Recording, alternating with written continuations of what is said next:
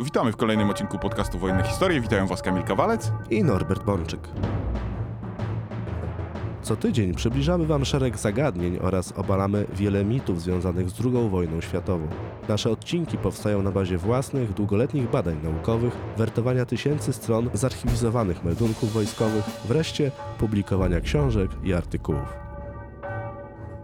Ten podcast istnieje dzięki zaangażowaniu i niezwykłej hojności naszych patronek i patronów, za co im bardzo dziękujemy. Jeżeli ty też uważasz, że warto zostać naszym patronem, możesz wesprzeć nas wpłatą w serwisie Patronate pod adresem patronate.pl łamane na podcast Wojenne Historie. Norbert, w trzeciej, ostatniej części naszej trylogii o Panterze porozmawiamy o roku 44.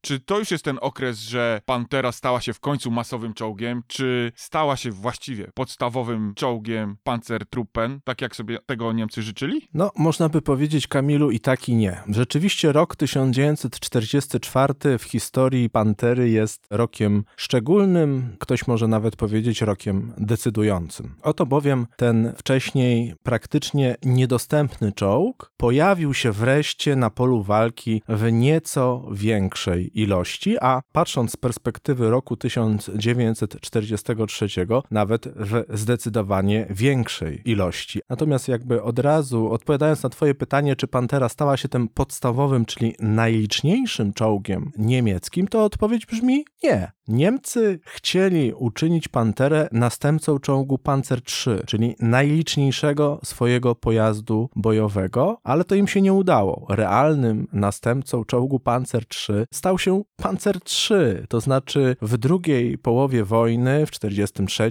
w 1944 roku, koniem roboczym, tym najważniejszym, najliczniejszym pojazdem bojowym pancernym Wehrmachtu było działo szturmowe Sturmgeschütz, oparte właśnie na czołgu Panzer 3, a jeśli chodzi o czołgi, to Pantera cały czas musiała konkurować z czołgiem Panzer 4, to znaczy w tym sensie konkurować, że te dwie konstrukcje funkcjonowały obok siebie. W drugiej połowie 1943 roku najważniejszym podstawowym niemieckim czołgiem był Panzer 4, w pierwszej połowie 1944 roku dalej był to Panzer 4, w drugiej połowie roku 1944 te proporcje zaczęły się mniej więcej wyrównywać, ale jak spojrzymy na te właśnie wspomniane statystyki, na tabelę sprzętu, to zobaczymy, że raz tych Panter było prawie tyle samo co Panzer 4, czasem trochę więcej, ale znacznie częściej mniej. To znaczy do końca roku 1944 tak naprawdę tym podstawowym niemieckim czołgiem był Panzer 4 i żeby nie być gołosłownym, 15 grudnia 1944 roku, czyli dzień przed ofensywą niemiecką w Ardenach, niemieckie wojska pancerne osiągnęły w zakresie wyposażenia w czołgi niemal swoje maksymalne rozmiary. Wówczas to bowiem na wszystkich frontach oraz w dowozie na front, ale nawet bez czołgów przechowywanych w Rzeszy, Niemcy mieli ponad 1500 panter na raz. Na wszystkich frontach ta statystyka uwzględnia również transporty z nowo kierowanymi uzupełnieniami. Natomiast w tym samym dokładnie dniu, 15 grudnia 1944 roku, obok 1500, a dokładnie 1500 535 Panter było wykazywanych 1830 czołgów Panzer IV. Czy zatem możemy powiedzieć, że projekt przezbrojenia niemieckich wojsk pancernych w Panterę zakończył się klapą? Znaczy, słowo klapa może nie jest najbardziej adekwatne, natomiast zamysł niemieckich teoretyków wojsk pancernych, aby czołgi Panzer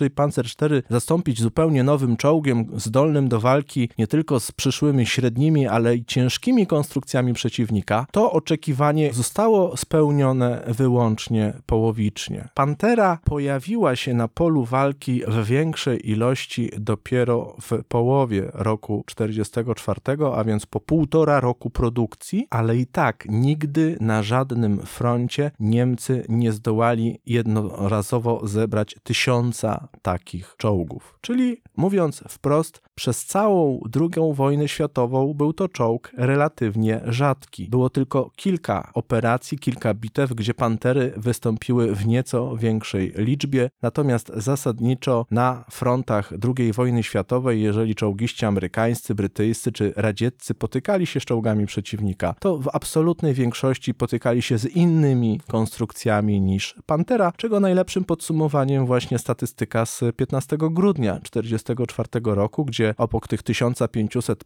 Panzer 5 czy 1800 Panzer 4 niemieckie raporty wspominają prawie 4000 dział szturmowych. Innymi słowy, Niemcy mieli podobną liczbę dział szturmowych Sturmgeschütz jak wszystkich podstawowych modeli czołgów od Panzer II a na Panzer 6 Tiger kończąc. Pantera była dostępna w zbyt małej ilości, aby można było powiedzieć, że był to czołg rzeczywiście masowy. Niemcy wyprodukowali w roku 1943 tylko 1750 Panther, co odpowiadało miesięcznej produkcji czołgów T-34. Z tych 1750 sztuk na front skierowano 850, z czego dostępnych w gotowości bojowej na froncie na przełomie 43 i 44 roku było niespełna 100. Innymi słowy, w relacji koszt-efekt ten czołg nie funkcjonował. Był tak nieliczny wtedy, że w wymiarze operacyjnym nie powinniśmy go nawet uwzględniać. Był po prostu rzadki. Bo co to jest 100 czołgów na front wschodni? W każdym bądź razie w styczniu 1944 roku sytuacja wyglądała tak, że Niemcy użytkowali na froncie 8 batalionów tych czołgów. I wkrótce spodziewali się przybycia 9.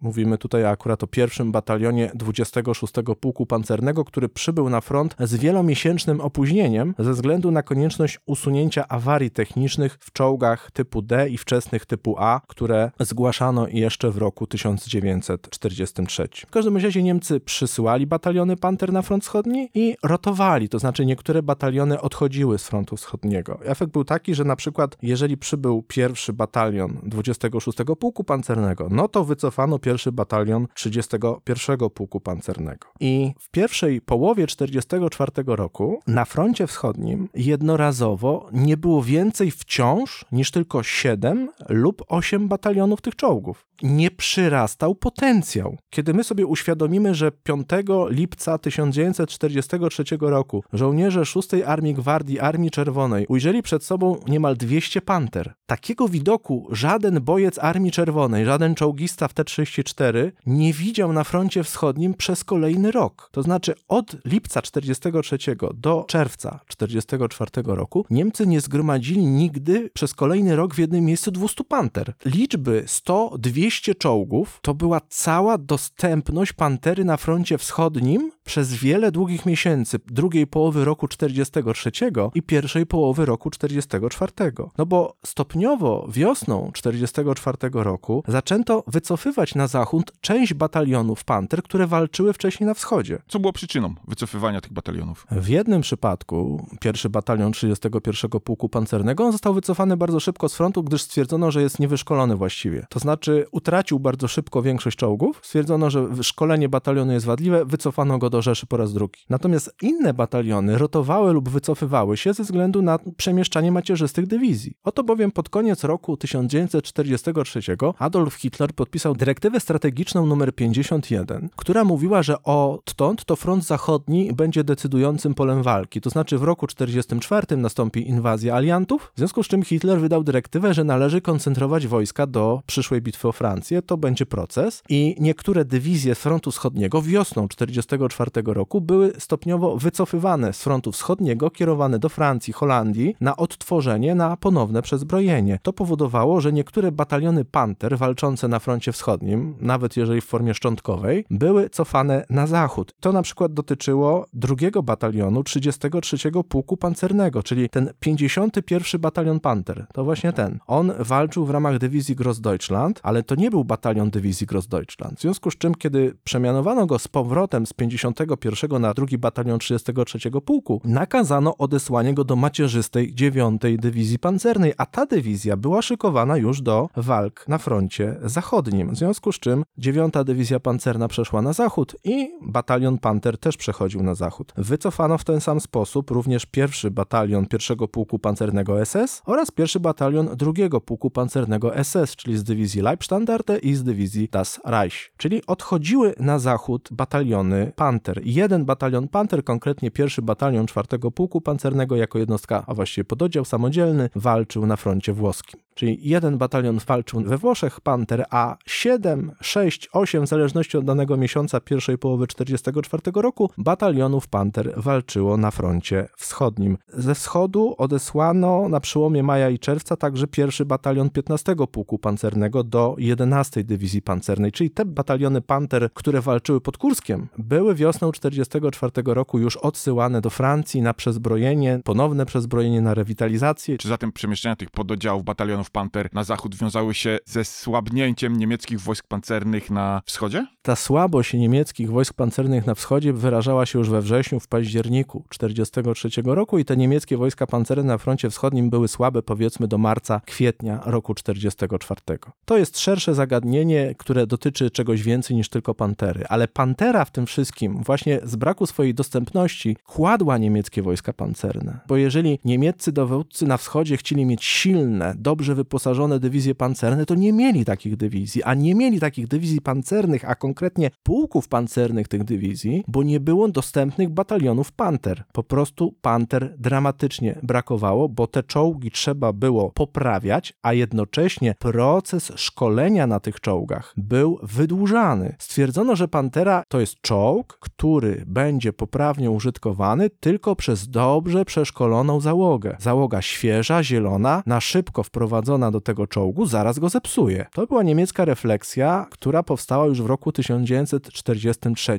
To skutkowało tym, że bataliony Panter szkoliły się niemiłosiernie długo. Były bataliony, które szkoliły się 4 miesiące, ale były bataliony, które szkoliły się 9 miesięcy, przy czym to słowo szkolenie należy brać w cudzysłów, bo czasami czołgi były dostępne, a czasami nie. Słowem, czołg był sprofilowany pod załogę, która dobrze znała jego słabości. Niemcy uczyli się eksploatacji Panther, zaczęli więc na przykład ograniczać możliwość maksymalnej pracy jednostki napędowej. Zaczęli uczulać czołgistów, że Pantera nie może za bardzo jeździć w błocie, że nie należy szarpać, że ten czołg nie może wykonywać zbyt gwałtownych manewrów, że należy używać tego czołgu delikatnie, że nie rozpędzać za bardzo. To jest paradoks. Guderian powiedział: Dajcie mi super szybki czołg. Niemcy chwalili się w 1943 roku, Pantera jest najszybszym czołgiem średnim świata 55 km na godzinę, a potem w 1944 roku szkolono ich panowie nie rozpędzajcie się więcej jak 30 na godzinę. Nie zepsujcie czołgu. Ostrożnie z silnikiem. 40-50% mocy nie więcej. Czyli Niemcy zauważyli, że silnik jest piętą achillesową Pantery? To rzeczywiście była pięta achillesowa w roku 43 i w pierwszej połowie 44 roku. I modyfikowali cały czas tą jednostkę napędową. Ja przypominam, że w ogóle najpierw to zmieniono silnik w Panterze, a potem już ten zmieniony silnik modyfikowano na różne sposoby. A to poprawiano pompę paliwową, a to zmieniano osprzęt, a to modyfikowano osprzęt, a to montowano ograniczniki obrotów. Słowem, Niemcy wiedzieli, że silnik jest kłopotliwy, że ma tendencję do samozapłonu, że łatwo się przegrzewa i starali się naprawić ten problem. W 1944 roku powstało wiele niemieckich raportów, dokumentów, które mówią, że problemy z silnikami właściwie zostały przezwyciężone, że po wprowadzeniu różnego rodzaju poprawek, zwłaszcza w wersji G, tej ostatniej masowo produkowanej wersji Pantery, silnik nie jest już takim wielkim problemem, pod warunkiem jednakowoż, mówiły instrukcje, że jest eksploatowany ostrożnie. I faktycznie, jeżeli zobaczymy na statystyki wyjścia czołgów z walki w roku 1944, Panter, to problem silnikowy tak wyraźny w statystykach na przykład z Ukrainy w roku 1943 był w roku 1944 wyraźnie mniejszy. Zamiast niego pojawiało się za to coraz więcej raportów, że problemem jest skrzynia biegów czy przekładnie boczne. Innymi słowy, coś naprawili, z czymś sobie poradzili, pojawiały się problemy gdzie indziej. Ale kluczowe dla oceny Pantery było to, że tak jak powiedziałem, w pierwszej połowie 1944 roku, do maja 1944 roku włącznie, to był czołg niezwykle rzadki. Równie trudny do spotkania na polu walki jak Tygrys, bo na froncie wschodnim wiosną 1944 roku było tylko sześć batalionów Panter. Pierwszy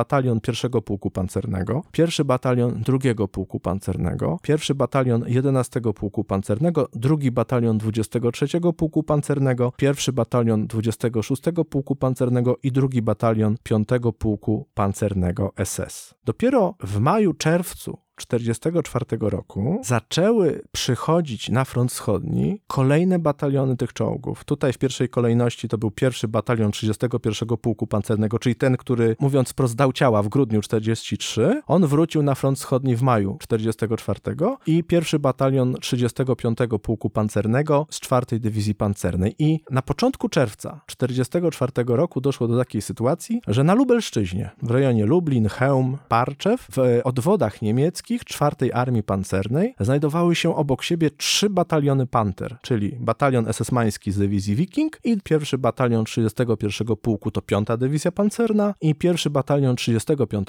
Pułku Pancernego to 4 Dywizja Pancerna. I dopiero wówczas, w czerwcu 44 roku, Niemcy na jednym kierunku operacyjnym zebrali analogiczną liczbę Panter, jak w lipcu 43 roku pod Kurskiem. To pokazuje niedostępność Pantery. Przez rok działań na froncie wschodnim, przez rok, kiedy front przesunął się spod Kurska, Białgorodu i Charkowa na Kowel, na Brody, na Rumunię, ta niedostępność jest zdumiewająca. I to jest, kiedy mówimy o historii użycia bojowej pantery, coś niesamowitego. Rok służby bojowej, półtora roku produkcji seryjnej, a tego czołgu jest jak na lekarstwo. Tego czołgu nie ma na froncie. Trudno znaleźć analogiczny model czołgu średniego, który po tak długim okresie od rozpoczęcia produkcji seryjnej nie znajdowałby się w dużych ilościach na froncie. Ta niedostępność panter godziła w gotowość bojową, w możliwości bojowe niemieckich wojsk pancernych, dywizji pancernych, a w konsekwencji godziła w możliwości bojowe, w zdolności bojowe całego Wehrmachtu. Bo wskazany jako nowy podstawowy teoretycznie niemiecki czołg średni Panzer 5 Panther, wskazany w styczniu 1943 roku jako następca czołgu Panzer III, przez kolejne półtora roku nie potrafił objawić się na froncie. Mimo, że produkcja seryjna przekroczyła już grubo ponad 2000 egzemplarzy, nie było na froncie jednorazowo więcej jak 200 gotowych do walki czołgów tego typu. A z czego to wynikało? Z czego wynikał ten brak pantery na froncie? Jeśli chodzi o rok 43 i początek 44 roku, to już o tym mówiliśmy w poprzednich częściach, że ten czołg trzeba było notorycznie naprawiać. Szkolenie wydłużono. Niemcy na początku 44 roku zorientowali się, że Pantera jest na tyle kłopotliwa, że nie można od tak po prostu przezbroić chłopaków, wsadzić w czołgi i wysłać na front. Bo oni te czołgi natychmiast popsują, albo one same się zepsują. Tak jak powtarzam, to ten czołg, żeby stać się w miarę sprawnym narzędziem walki, wymagał bardzo długiego procesu szkoleniowego i generalny inspektor wojsk pancernych miał wyraźny problem z oceną techniczną Pantery. Jest taki bardzo znany meldunek niemiecki z początków roku 44, z wiosny 44 roku, gdzie wręcz podkreśla się to, że jeden z kierowców potrafił prowadzić Panterę nie psując sprzęgieł, nie psując przekładni bocznych. Można by powiedzieć, czy to jest anegdotyczny przykład na wydajność czołgu, czy wprost przeciwnie. Jeżeli my się chwalimy tym, że patrzcie, ten kierowca przez 1700 kilometrów nie popsuł tej części, czyli on nie popsuł, znaczy, że wielu innych popsuło, ale nawet w tym konkretnym raporcie podkreślano, że czołgiści mają problem z obsługą skrzyni biegów, że nie należy wrzucać trzeciego biegu w tych czołgach w pewnych okolicznościach, bo to również wpływa negatywnie na tą konstrukcję. I na przykład pierwsza dywizja pancerna SS, Leibstandarte SS Adolf Hitler, ona przygotowała własny protokół z użycia panter między listopadem 1943 roku a majem 1944 roku, kiedy to ta dywizja ostatecznie została przerzucona do Francji. I w tym okresie ta konkretna dywizja, jej pierwszy batalion pierwszego pułku pancernego, użytkował 161 panter, to znaczy w tym sensie użytkował, że przeszło przez batalion 161 czołgów, czyli stanowiło to ponad ekwiwalent ponad 200% wyposażenia etatowego. I z tych 161 panter do właściwie końca kwietnia 1944 roku Armia Czerwona zniszczyła w sposób dokumentny 47 maszyn w walce. Więc jak zauważymy, to jest tylko mniej więcej 30% strat. Kolejnych 40 z różnych przyczyn bojowych i niebojowych, w większości jednak bojowych, zostało natomiast tak ciężko uszkodzonych, że nie można było ich usprawnić, naprawić na miejscu i zostały odesłane do Rzeszy do remontu kapitalnego. Przypadku 40 kolejnych czołgów zostały one utracone bezpowrotnie z powodu przyczyn technicznych. Natomiast ostatnie 34 pojazdy to czołgi zakwalifikowane jako porzucone lub wysadzone przez własne załogi bez podania konkretnej przyczyny, czy z przyczyn bojowych, czy niebojowych. Jak więc widzimy, straty niebojowe z samych tylko przyczyn technicznych w Panterach były wciąż relatywnie wysokie na przełomie 43 i 44 roku i decydowało o tym wiele czynników, zarówno technicznych samego czołgu, jak i kwestii szerszych, operacyjnych, zdolności do ewakuacji sprzętu, dostępności części zamiennych i można by powiedzieć, że ta historia Pantery przez półtora roku po prostu nie mogła się zacząć. Czołg Pantera na polu walki realnie w większych ilościach zadebiutował dopiero w czerwcu 1944 roku. Niemal bez jednego miesiąca, powiedzmy, niemal rok po Kursku. I dopiero wówczas Niemcy użyli dużej ilości tych czołgów na froncie wschodnim i na froncie zachodnim, czyli można by powiedzieć, że ta kariera bojowa Pantery w pełnym tego słowa znaczeniu zaistniała dopiero wiosną, a właściwie latem roku 1944. Już 1 lipca 1944 roku, czyli rok po Kursku, Niemcy znowu mieli 8 batalionów Panter na froncie wschodnim. Czyli mieli ich właściwie tyle samo, co użyli w roku 1943. Jeszcze tego progresu nie było bardzo widać, ale czołgów było już więcej. 1 lipca 1944 roku armia niemiecka na wschodzie miała oszałamiającą liczbę 550 czołgów Pantera na froncie wschodnim. Ale czy to dużo, czy mało? Realnie na front wschodni latem 44 roku. No to jest kropla w morzu potrzeb. 550 czołgów w 8 batalionach to jest nic. Na froncie zachodnim, kiedy rozpoczęła się aliancka inwazja, to tych batalionów było jeszcze więcej, bo 14, tylko część była w gotowości bojowej, a część dopiero się przezbrajała. Tak naprawdę tych batalionów w gotowości bojowej to było 7. Nie wszystkie zresztą były wyposażone w 100%, bo na przykład 12 Dywizja Pancerna SS Hitlerjugend, jej batalion Panter to było 66 maszyn. Nawet pierwsza Dywizja Pancerna SS też nie miała pełnego ukompletowania, bo 10 czerwca meldowała 54 czołgi. Taki pełny etat, 79 Panter dla batalionu i dla pułku pancernego, to właściwie miała tylko druga dywizja pancerna, druga dywizja pancerna SS i batalion Panter z dywizji Grossdeutschland, czasowo przydzielony do 116 dywizji pancernej. Licząc wszystkie bataliony gotowe, niegotowe w gotowości bojowej, no to tam na froncie zachodnim Niemcy mieli 600 Panter we Francji. To już są liczby wyraźnie większe, ale nadal dalece odbiegające od niemieckich oczekiwań. A jak zatem już Pantera, która była w większych ilościach dostępna dla niemieckich wojsk pancernych, jak ona poradziła sobie na polu walki? Czy rzeczywiście wytworzyła tą nową jakość? Która dała Niemcom przewagę? No to jest, Kamilu, pytanie fundamentalne tak naprawdę przy ocenie Pantery. Dlatego, że można by zadać pytanie o efektywność bojową tego czołgu, bo teoretycznie ona jest legendarna. Mówi się, że to był taki prawdziwy tank killer ze względu na doskonałą armatę przeciwpancerną, ale to jest prawda wyłącznie w wymiarze taktycznym, a nie ma potwierdzenia w wymiarze operacyjnym. Nie widzimy tego tank killera w wymiarze operacyjnym w roku 1944. Pantera statystycznie w wymiarze strategii wojennej nie istnieje jako czołg. Co masz na myśli? Bo to jest nieco enigmatyczne. Biorąc pod uwagę łącznie tysiąc czołgów na froncie wschodnim i zachodnim. Ja odpowiem w ten sposób. Pantera nigdy nie była dominującym narzędziem walki armii niemieckiej. Ustępowała liczebnie czołgowi Panzer IV, a ustępowała wyraźnie liczebnie na przykład wozom Sturmgeschütz. Była właściwie równie dostępna jak lekkie pancerjägery. Słowem, Niemcy mieli całe spektrum różnego rodzaju środków przeciwpancernych, czołgów, niszczycieli czołgów, dział szturmowych, które walczyły na froncie. I ich skuteczność w zwalczaniu czołgów przeciwnika w momencie, kiedy Pantera pojawiła się w większej ilości na froncie, nie wzrosła. To znaczy skuteczność niemieckiej obrony przeciwpancernej w roku 1943 była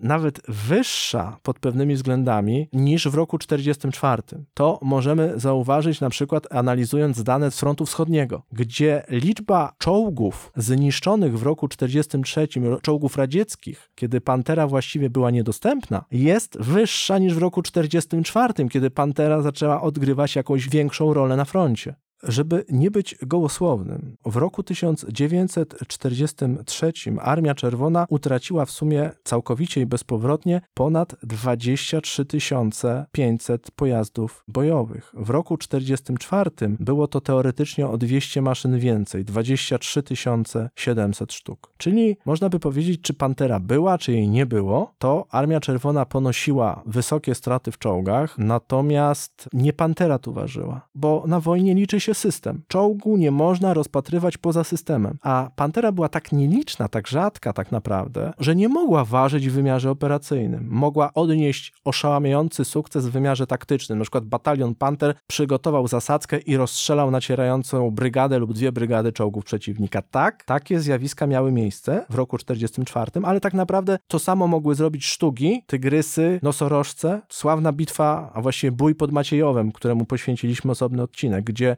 batalion Panter z dywizji Viking zgłosił bez strat własnych odstrzelenie ponad 100 czołgów. Ale jakbyśmy tak dokładnie to prześledzili, to pancerniacy z Wikinga przypisali sobie część sukcesów także dział samobieżnych, również dział szturmowych czy armat przeciwpancernych holowanych. Słowem, Maciejów był wielkim sukcesem Niemców w obronie, bo walczyły bronie połączone. Artyleria, lotnictwo, piechota. Sam batalion Panter był ważny, ale on stanowił tylko jeden z elementów szerszego systemu. I w roku 1944 Armia Czerwona straciła nieco mniej czołgów średnich w roku 1944 niż w roku 1943. Pojawienie się Pantery nie zwiększyło efektywności bojowej niemieckich wojsk pancernych na wschodzie w żaden istotny, statystycznie dający się zauważyć sposób. Bo jeżeli Pantery nie było realnie w roku 1943, a wówczas czołgów średnich Armii Czerwonej odstrzelono, mówimy o stratach bezpowrotnych, 14 700 sztuk, a w roku 1944 te straty spadły do 13 800 sztuk, to możemy zauważyć, że w podstawowych typach czołgów Armii Czerwonej w roku 1944 straty bezpowrotne spadały.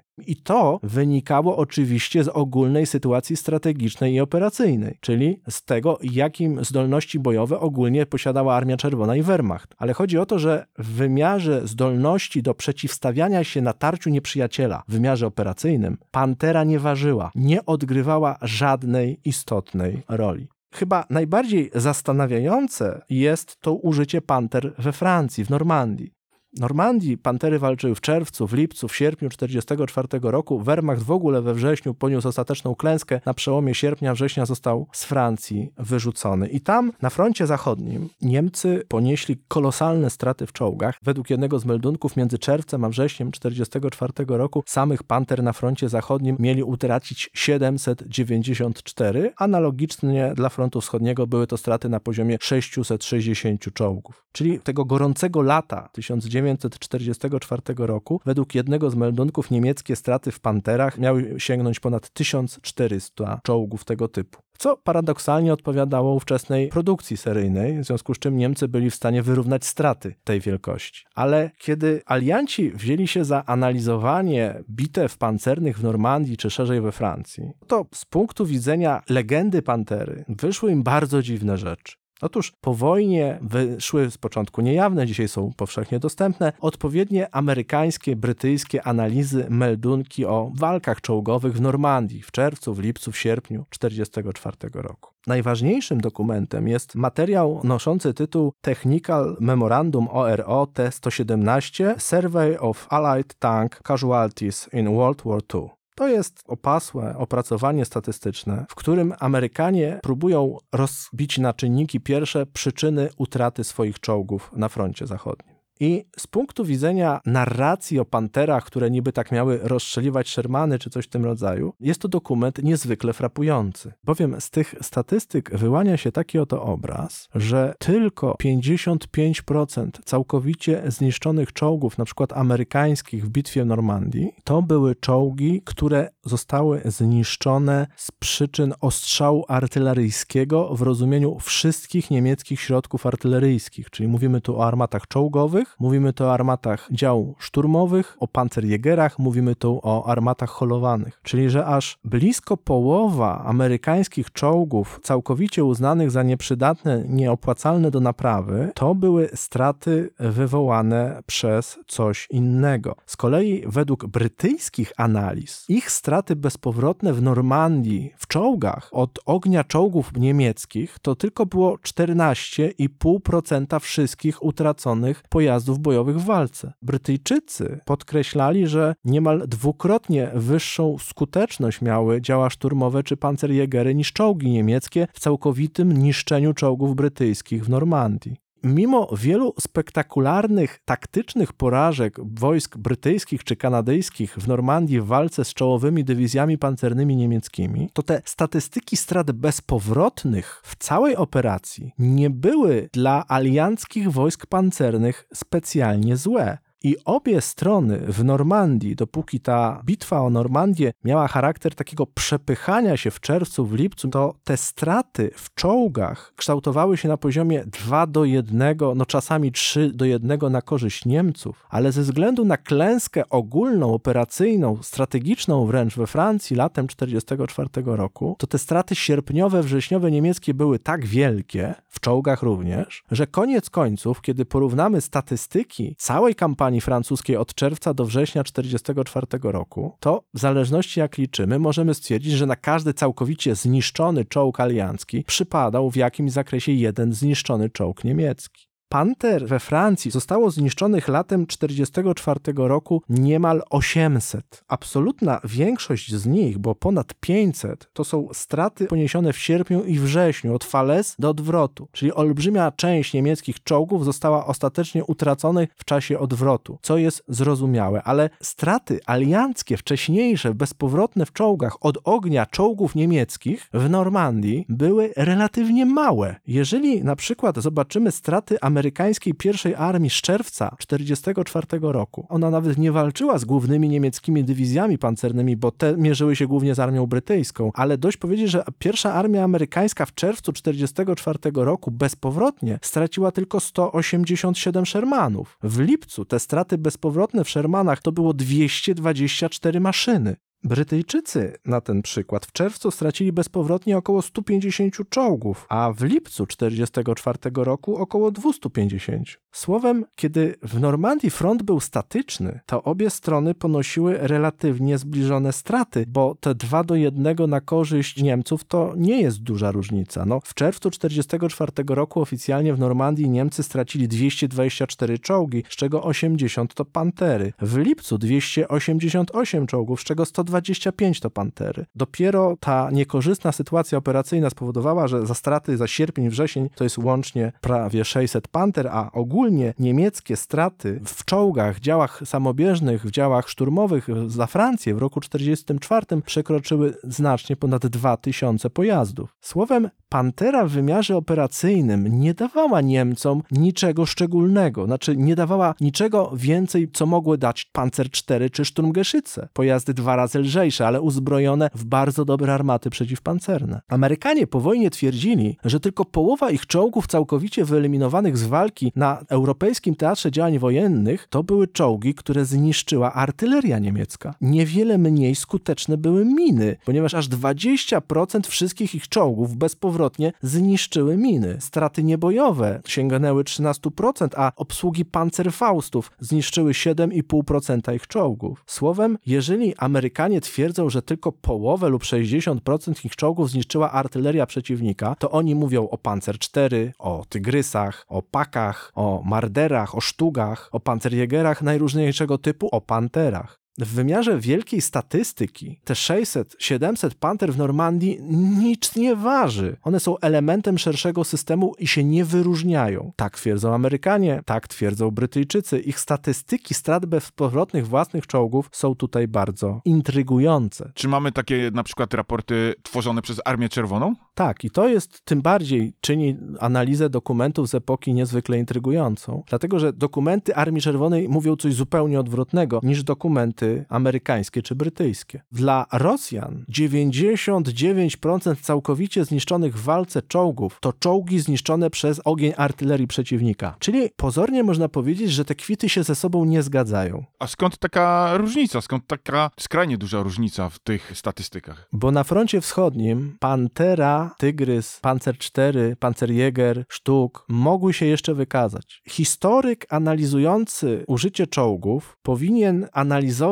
różne aspekty, różne kwestie na poziomie strategicznym, operacyjnym i taktycznym. Latem 1944 roku na froncie wschodnim Pantery miały kilka wspaniałych momentów. W działaniach obronnych w rozumieniu powstrzymywania szarż pancernych Armii Czerwonej. Bardzo ciekawym przypadkiem jest sierpniowa pojedynek 16 Korpusu Pancernego z pierwszym batalionem 27 Pułku Pancernego 19 Dywizji Pancernej pod Głowaczowem, czy chociażby działania opóźniające pierwszego batalionu 31 Pułku Pancernego 5 Dywizji Pancernej na Białorusi. Załogi Panter zniszczyły latem 44 roku na froncie wschodnim olbrzymią ilość radzieckich czołgów, co pozwoliło Niemcom na spowolnienie natarcia Armii Czerwonej. Oczywiście to był jeden z szeregu czynników. Ale Rosjanie mówili, że absolutna większość ich czołgów wychodziła w walce w wyniku walki z czołgami, armatami przeciwpancernymi, działami samobieżnymi przeciwnika. Czyli ta walka na froncie wschodnim miała latem 1944 roku inny charakter niż walka na froncie zachodnim, gdyż na froncie zachodnim Niemców zmielił system, natomiast na froncie wschodnim Rosjanie pozwalali sobie jeszcze na szarże pancerne, na błędy, których nikt na zachodzie nie robił. Dlatego te statystyki są tak odmienne. Pantera była częścią niewydolnego systemu i jeżeli przeciwnik nie popełniał przesadnych błędów, nie mogła już wykazać się na polu walki w roku 44,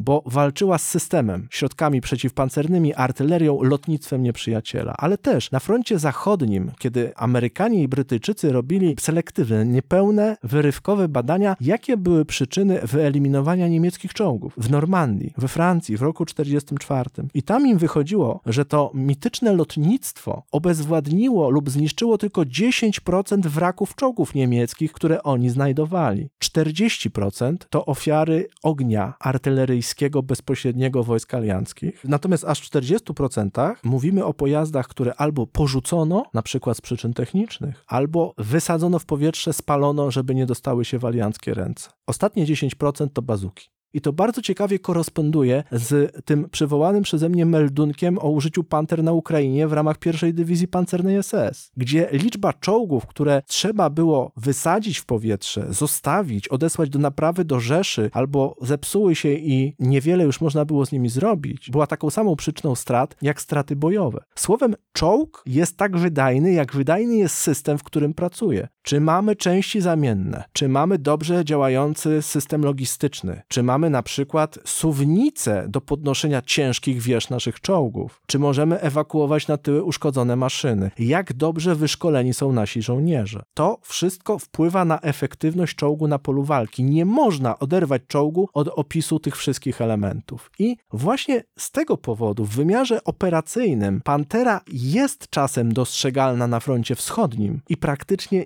niedostrzegalna na froncie zachodnim, mimo że w Normandii użyto panter tylu, gdzie nigdy wcześniej ani nigdy później w jednym miejscu. To Francja w roku 1944 była największą bitwą panter, tylko że te czołgi nie wchodziły do walki jednocześnie. Na wschodzie tak naprawdę Pantera w jednym miejscu, w dużej ilości po raz pierwszy od Kurska, pojawiła się pod Warszawą. Na przełomie lipca i sierpnia 1944 roku, licząc czołgi gotowości bojowej i licząc czołgi w naprawach, Niemcy mieli tu prawie 300 Panter, bo pod Warszawę ściągnęli pierwszy batalion 27 Pułku Pancernego, pierwszy batalion 35 Pułku Pancernego 4 Dywizji Pancernej, ale walczyły tu również drugi batalion 5 Pułku Pancernego SS z Wikinga i batalion Panter z dywizji Totenkopf. Nawiasem mówiąc, on wszedł do walki dopiero właśnie pod koniec lipca 1944 roku w rejonie Siedlec i Warszawy po trwającym grubo ponad pół roku procesie nie tyle co szkolenia, co czekania na nowe czołgi. Jak możemy ocenić Pantery na podstawie tego, co wydarzyło się tutaj w czasie tej bitwy pod Warszawą? To jest właśnie największa wada Pantery, dlatego że Pantera w wymiarze operacyjnym niczym się szczególnie na tle innych niemieckich pojazdów pancernych nie wyróżnia. Kiedy my mówimy o panterze, że ma mieć taki efekt wow, to tego efektu wow nie ma. Pantera jest bardzo skuteczna, tylko w pewnych sytuacjach w obronie, kiedy jest niszczycielem czołgów. Jako czołg sprawdzała się słabo, dlatego że Niemcy zwyciężyli w bitwie pancernej pod Okuniewem w wyniku kolektywnego oddziaływania wielu różnych związków taktycznych, oddziałów i pododdziałów. Równie dobrze zamiast batalionów Panter mogły tam walczyć bataliony na sztugach czy na innych pojazdach. Efekt byłby dokładnie taki sam. Pantera wykazywała zwiększone walory bojowe w warunkach obrony. Kiedy więc mówimy o Maciejowie na początku lipca, czy o Głowaczowie w połowie sierpnia 1944 roku, to tam Pantera jako Pantera ukazuje swoją siłę, dlatego że to jest czołg defensywny, który z zasadzki przyjmuje na siebie uderzenie dużej liczby czołgów przeciwnika i po prostu je rozstrzeliwuje. Natomiast kiedy batalion Panter dostaje rozkaz pójścia do własnego natarcia, to jest tak samo rozstrzeliwany jak każdy inny czołg. I to jest olbrzymi zarzut do Pantery. Ten czołg dla Niemców był zbędny, on im nic nie dał, dlatego że był przewymiarowany, był zbyt przekombinowany, a w wymiarze szerszym nie oddziaływał na pole walki. Oczywiście trudno mówić, żeby czołg w szerszym wymiarze oddziaływał na pole walki, jeżeli wyjmiemy go z systemu, ale czołg jest właśnie elementem systemowym, czyli czołg to jest odpowiednio przeszkolona załoga, czołg to jest odpowiednio zaopatrzona kompania remontowa, czołg to są odpowiednie dostawy paliwa i amunicji. Czołg wreszcie to jest zdolność do zastępowania uszkodzonych bądź zniszczonych czołgów nowymi czołgami. To jest wszystko niezbędne przy ocenie wartości bojowej czołgu. Czyli chcesz powiedzieć, że te niemieckie wojska pancerne radziłyby sobie tak samo, walcząc na przykład na Panzer 4 czy Sztugach, jak na tych Panterach, a dodatkowo miałoby ich więcej niż Panter. To jest wniosek, który płynie z analizy na szczeblu operacyjnym. Jak zauważyli w swoim tym przywołanym już przeze mnie Technical Memorandum ORO T-117 Amerykanie, w kampanii we Francji w roku 1944 średnia odległość otwierania do siebie ognia nie przekraczała 750 metrów, zaś w kampanii we Włoszech 300 metrów. Słowem, niepotrzebny był czołg o zasięgu ognia skutecznym bezpośrednim rzędu 2 km,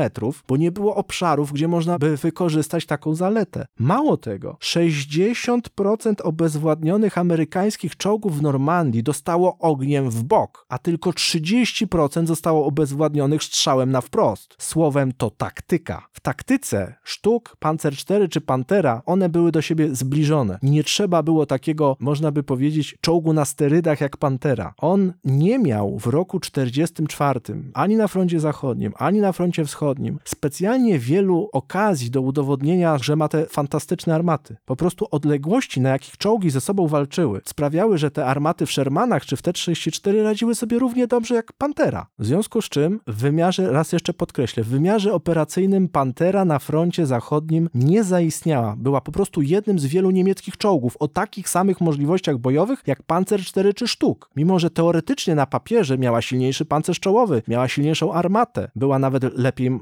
teoretycznie, bardziej manewrowa, ale w praktyce pola walki jej parametry były dokładnie takie same jak innych niemieckich pojazdów, sprowadzone były do jednego mianownika. I to mówią statystyki Survey of Allied Tank Casualties in World War II czytajmy te statystyki, żebyśmy potem nie powielali jakiś głupot, że na jedną zniszczoną panterę trzeba było poświęcić 8 Shermanów. Nie ma takich statystyk, które potwierdzałyby coś takiego. Większość amerykańskich czołgów była niszczona w czasie przełamywania urzutowanej w głąb niemieckiej obrony. Niektóre amerykańskie bataliony czołgów nigdy nie spotkały na swojej drodze pantery, a te, które spotkały, nie zostały bynajmniej zniszczone ani obezwładnione. Nie ma w statystyce strat amerykańskich czołgów efektu pantery. Na froncie wschodnim możemy wskazać momenty, kiedy te czołgi wykazały dużą skuteczność w walce, ale wyłącznie w walce obronnej. W 1944 roku Niemcy wyprodukowali 3800 Panther. Tych czołgów na polu walki nigdy nie było na wszystkich frontach jednocześnie, sprawnych i niesprawnych. Nie było nigdy więcej jak około półtora tysiąca. Straty z kampanii letniej 1944 roku były oszałamiające w tych maszynach. Tak samo jak oszałamiające były w jakichkolwiek innych czołgach. Natomiast Pantera, jeżeli miała być tym remedium, tym lekiem na przewagę liczebną przeciwnika, to się nie sprawdziła, bo Czołg jest elementem systemu. W przygotowanym w 1945 roku polskim podręczniku o niemieckich czołgach, przygotowanym w polskich siłach zbrojnych na zachodzie, takie podręczniki czytali na przykład pancerniacy generała Maczka, jest powiedziane, Pantera jest czołgiem pozornym. To nie jest czołg, to jest niszczyciel czołgów. I to jest największa obelga dla czołgu. Dlaczego? Dlatego, że parametry czołgu muszą być odpowiednio zrównoważone. I teraz spójrzmy na Panterę z perspektywy doświadczeń frontowych roku 44. Ten czołg miał doskonałą armatę przeciwpancerną, kalibru tylko 75 mm, więc był doskonałym niszczycielem czołgów, ale ta armata tak naprawdę nie wyróżniała się niczym szczególnym w niszczeniu celów obszarowych, celów miękkich, celów innych niż pancerne, a statystyki pokazują, że większość celów czołgów nie stanowią czołgi przeciwnika, tylko inne cele. Więc ta armata była zbyt wyspecjalizowana tylko do jednego zadania i zamieniała Panterę z uniwersalnego czołgu wsparcia w niszczyciel czołgów. Mówimy, że Pantera miała doskonałe opancerzenie, ale ono było tylko doskonałe do pewnego momentu z racji problemów surowcowych, ale było grube tylko z przodu. Absolutna większość czołgów wszystkich państw zniszczonych, obezwładnionych w II wojnie światowej dostawało strzał z boku, a tam pancerz Pantery był przeciętny, słabszy nawet niż w niektórych czołgach alianckich. 40, 45, 50 mm pancerza bocznego to było obezwładniane skutecznie przez armaty przeciwpancerne kaliber 45-57 mm,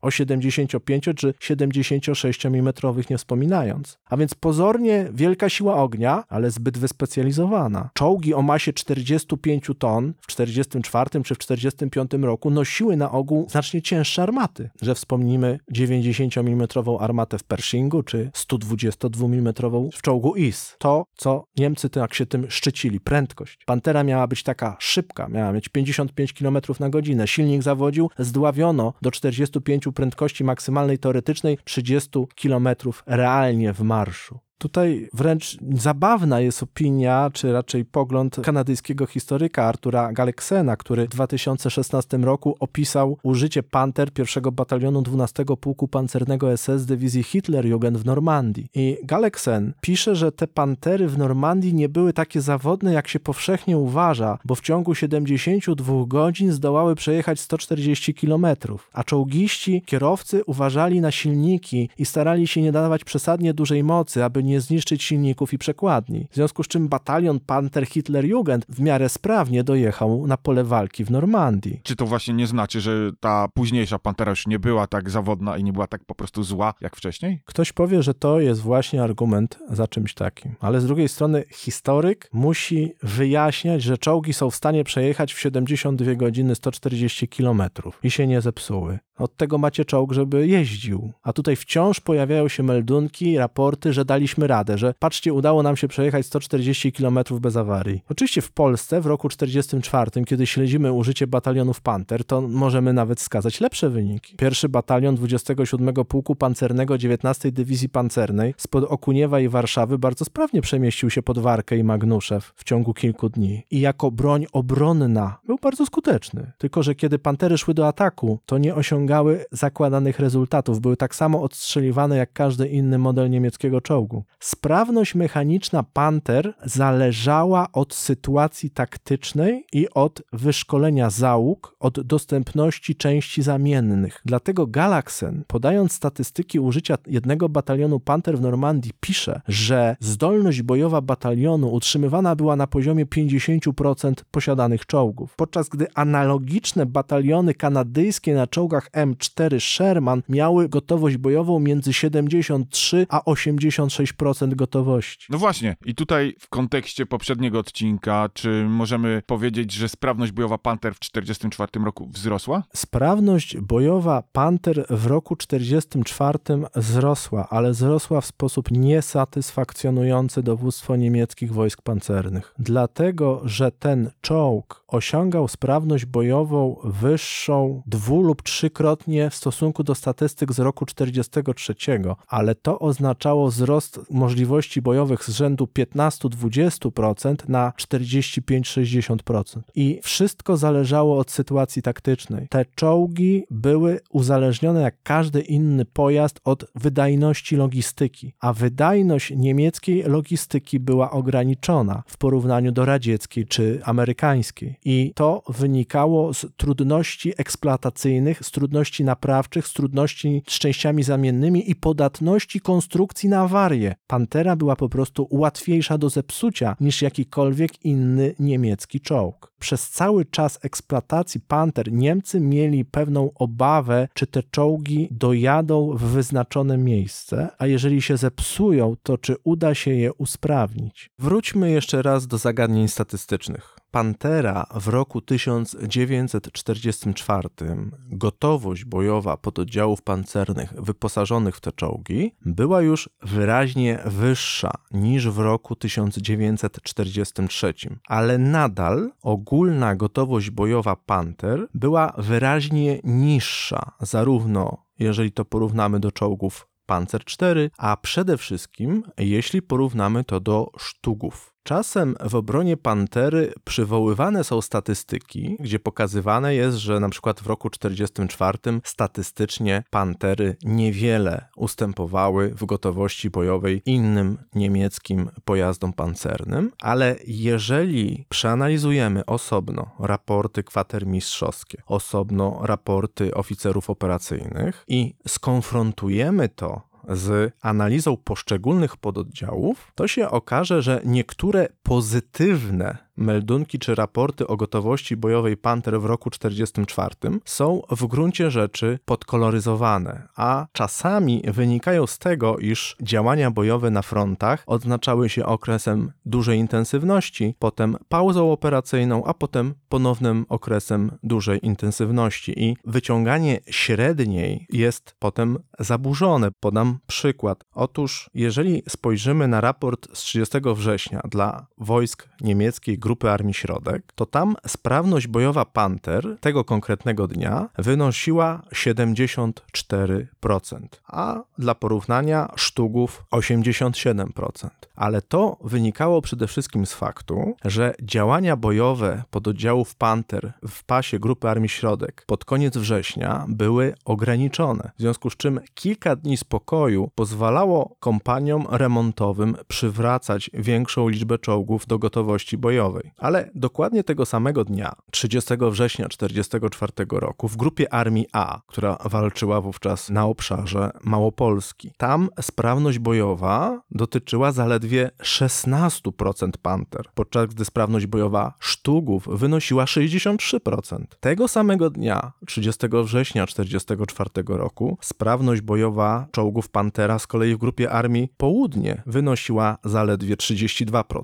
W związku z tym, jak weźmiemy statystykę, to ktoś może wziąć raport z grupy Armii Środek 74%, ktoś może wziąć raport grupy Armii A 16%, ale należy porównywać różne dokumenty. W internecie, w literaturze przedmiotu będziemy mogli natknąć się czasem na wybiórcze informacje. I dlatego jeżeli prześledzimy te dokumenty w szerszym zakresie zauważymy, że przez cały rok 44 wyraźnie sztugi były pojazdami o większej gotowości bojowej niż pantery. Sztugi, które walczyły znacznie intensywniej niż pantery, a mimo to miały wyższą gotowość bojową, często o 20 czy 30%.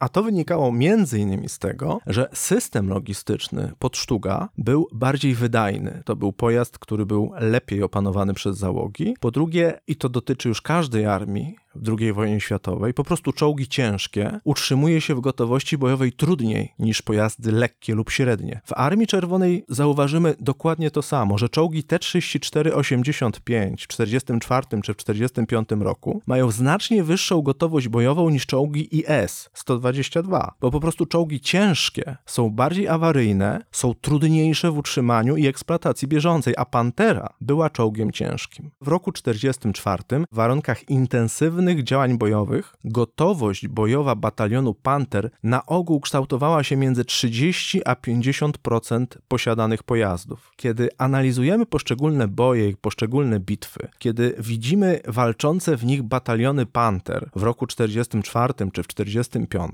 to uderza nas to, że one walczą relatywnie niewielkimi siłami. To znaczy batalion potrafi mieć wciąż 40, 50, 60 czołgów, ale i tak na polu walki nie walczy więcej niż 10, 20 czy 30 z nich. Ja tu zawsze podaję przykład z Polski, gdzie na terenie Mazowsza walczył pierwszy batalion 27 Pułku Pancernego 19 Dywizji Pancernej. On uzbrojony był w pantery. Przybył do Polski pod koniec lipca, miał 72 czołgi, ale już po bitwie pancernej pod Okuniewem, a przed bitwą o Warkę Magnuszew-Mniszew, jego potencjał bojowy został drastycznie zredukowany i kiedy 10 sierpnia 19 Dywizja Pancerna biła się pod Warką, pod Magnuszewem, to do dyspozycji było jedynie 11 sprawnych Panter, mimo że cały batalion miał ich prawie 60. I kiedy prześledzimy meldunki 10, 11, 12, 13, 14 sierpnia 44 roku, czyli na przykład z okresu bitwy pod Studziankami, to ten batalion Panter nie ma więcej w gotowości bojowej jak 10, góra 13 czołgów, podczas gdy w średnich naprawach jest 10, 15, a w długich na przykład 20 czy 25 maszyn. Słowem, kiedy toczyły się ciężkie walki na linii Wisły w sierpniu 1944 roku, jedynie 30, czasem 40% czołgów było w dyspozycji. No, żeby nie być gołosłownym, spójrzmy na meldunek z 11 sierpnia. 11 panter w gotowości bojowej, 19 panter w krótkich naprawach, czyli tygodniowych, 19 panter w długich naprawach. 14 dzień sierpnia, zaraz po zakończeniu walk pod Studziankami. W gotowości bojowej 13 czołgów, 10 w krótkich naprawach, 25 w długich naprawach. Kiedy batalion został wycofany, dano czołgistom kilka dni na usprawnienie czołgów, to na przykład 17 sierpnia już 26 panter było w gotowości bojowej, ale 22 inne znajdowały się wciąż w naprawach, czyli nawet po wycofaniu batalionu jego gotowość bojowa niewiele przekraczała 50% i można by powiedzieć, kiedy śledzimy kilka, kilkanaście batalionów panter latem, jesienią 44 roku, to wszędzie jest bardzo podobnie. Liczba czołgów gotowości bojowej jest wyraźnie mniejsza niż ogólna liczba czołgów meldowanych w danym batalionie i potem, kiedy historyk śledzi jakąś bitwę i śledzi wejście do walki dywizji pancernej niemieckiej, to się nagle okazuje, że z batalionu Panter idzie do natarcia albo zbiorcza kompania, albo dwie zbiorcze kompanie, a nawet jak atakuje tych kompanii więcej, to do walki wchodzi 6-8 czołgów na kompanię. Nie ma tego tarana, nie ma tej komasacji pantery bardzo trudno było skomasować do wielkiego uderzenia dużą liczbą czołgów, co jeszcze w roku 1944 jak najbardziej Niemcom udawało się, jeśli idzie o czołgi Panzer IV czy działa szturmowe Sturmgeschütz. Norbert, jak możemy podsumować tą Panterę? Czy rzeczywiście był to najgorszy czołg Wehrmachtu? W wymiarze systemowym był to najgorszy niemiecki pojazd pancerny w II wojnie światowej. Żaden inny czołg nie zawiódł tak nadziei swoich twórców, jeżeli mówimy o czołgach podstawowych. Czołg Pantera był z jednej strony niepotrzebny. Możliwości przeciwpancerne, możliwości bojowe czołgów Panzer IV czy Sztuga, czy w ogóle pojazdów serii Panzerjäger były w zupełności wystarczające i nie trzeba było takiego nie wiadomo do końca jakiego czołgu, a to ciężki, a to średni, 45 ton masy, armata tylko 75 mm, pancerz boczny 40-45 mm. Czołg, który miał być super szybki, a potem nakazywano jeździć ostrożnie, zagwałtownie nie skręcać, nie wciskać gazu do dechy, bo może się silnik zapalić. Czyli ten czołg nie spełnił pokładanych w nich nadziei, nie spełnił oczekiwań. W relacji koszt-efekt był całkowitym bublem. W wymiarze operacyjnym pantery nie odegrały na polu walki żadnej roli. Nie były tym mitycznym, że użyjemy angielskich słów game changerem czy tank killerem, który masakrował setkami czołgi wroga. Statystyki II wojny światowej nie potwierdzają tego, że pantera była tak skuteczna, jak niektórzy dzisiaj próbują ją przedstawiać. Masa tego czołgu sprawiała, że powinniśmy uważać, że to jest czołg ciężki, czołg przełamania. I wielu niemieckich oficerów błędnie sądziło, że Pantera jest czołgiem przełamania, że jest analogiem Tygrysa, a tak nie było. W związku z czym ten czołg nie pasował do niemieckich wojsk pancernych i w ogóle nie pasował do koncepcji II wojny światowej. Był przekombinowany, a jego problemy techniczne, fakt, że tych problemów technicznych było więcej w modelu D i A niż w G, ale z kolei model G był gorzej wykonany ze względu na problemy surowcowe. Ale fakt, że problemy techniczne tego czołgu opóźniły gwałtownie proces przezbrajania niemieckich pododdziałów pancernych i spowodowały, że na przełomie 43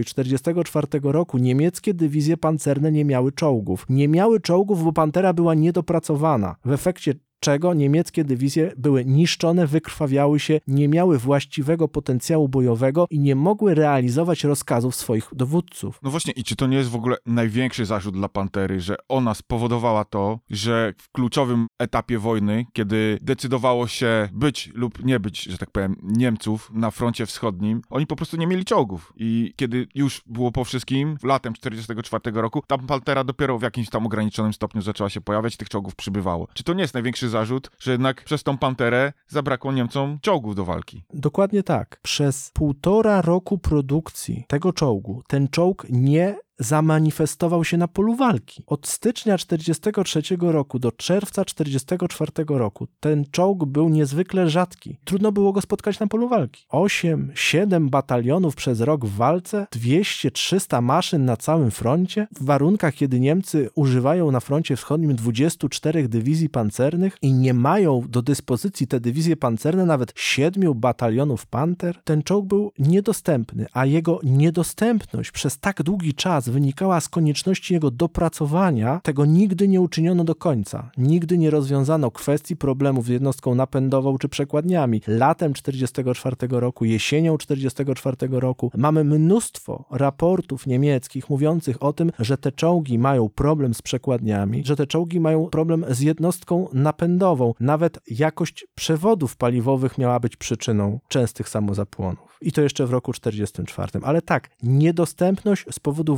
wad technicznych tego czołgu na froncie przez wiele długich miesięcy to jest największy zarzut dla tej konstrukcji. Czołg masowy, a niedostępny. 6 tysięcy wyprodukowanych maszyn, a przez pierwsze półtora roku walk na froncie użycie dosłownie kilkuset z nich większe użycie czołgów latem 1944 roku, nie przynoszące żadnych wymiernych efektów operacyjnych, zwłaszcza na froncie zachodnim, gdzie tych czołgów użyto najwięcej. Skoro najpierw półtora roku czekali na czołg, a potem wreszcie objawił się też przecież w nie zbyt dużej liczbie, bo na żadnym z frontów jednocześnie, mówię zachodnim osobno czy wschodnim osobno, nie walczyło tysiąc panter. Ze względu na ogólną niekorzystną sytuację operacyjną i strategiczną, te czołgi nie ważyły w żaden istotny sposób, a jako czołg, czyli narzędzie ofensywnej walki, nie wyróżniały się niczym szczególnie pozytywnym ze względu na słaby, relatywnie słaby pancerz boczny i mimo wszystko wciąż wyraźne problemy motoryczne. W związku z czym Pantera jest bez wątpienia najbardziej przereklamowanym czołgiem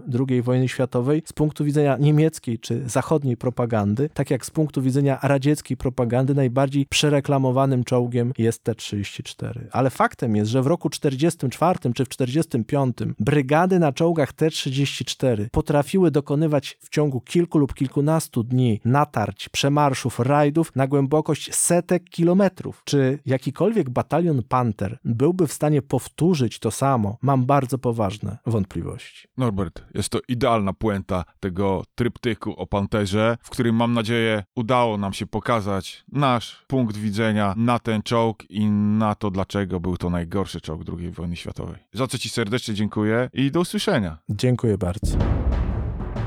Dziękujemy, że byłeś z nami do końca tego odcinka.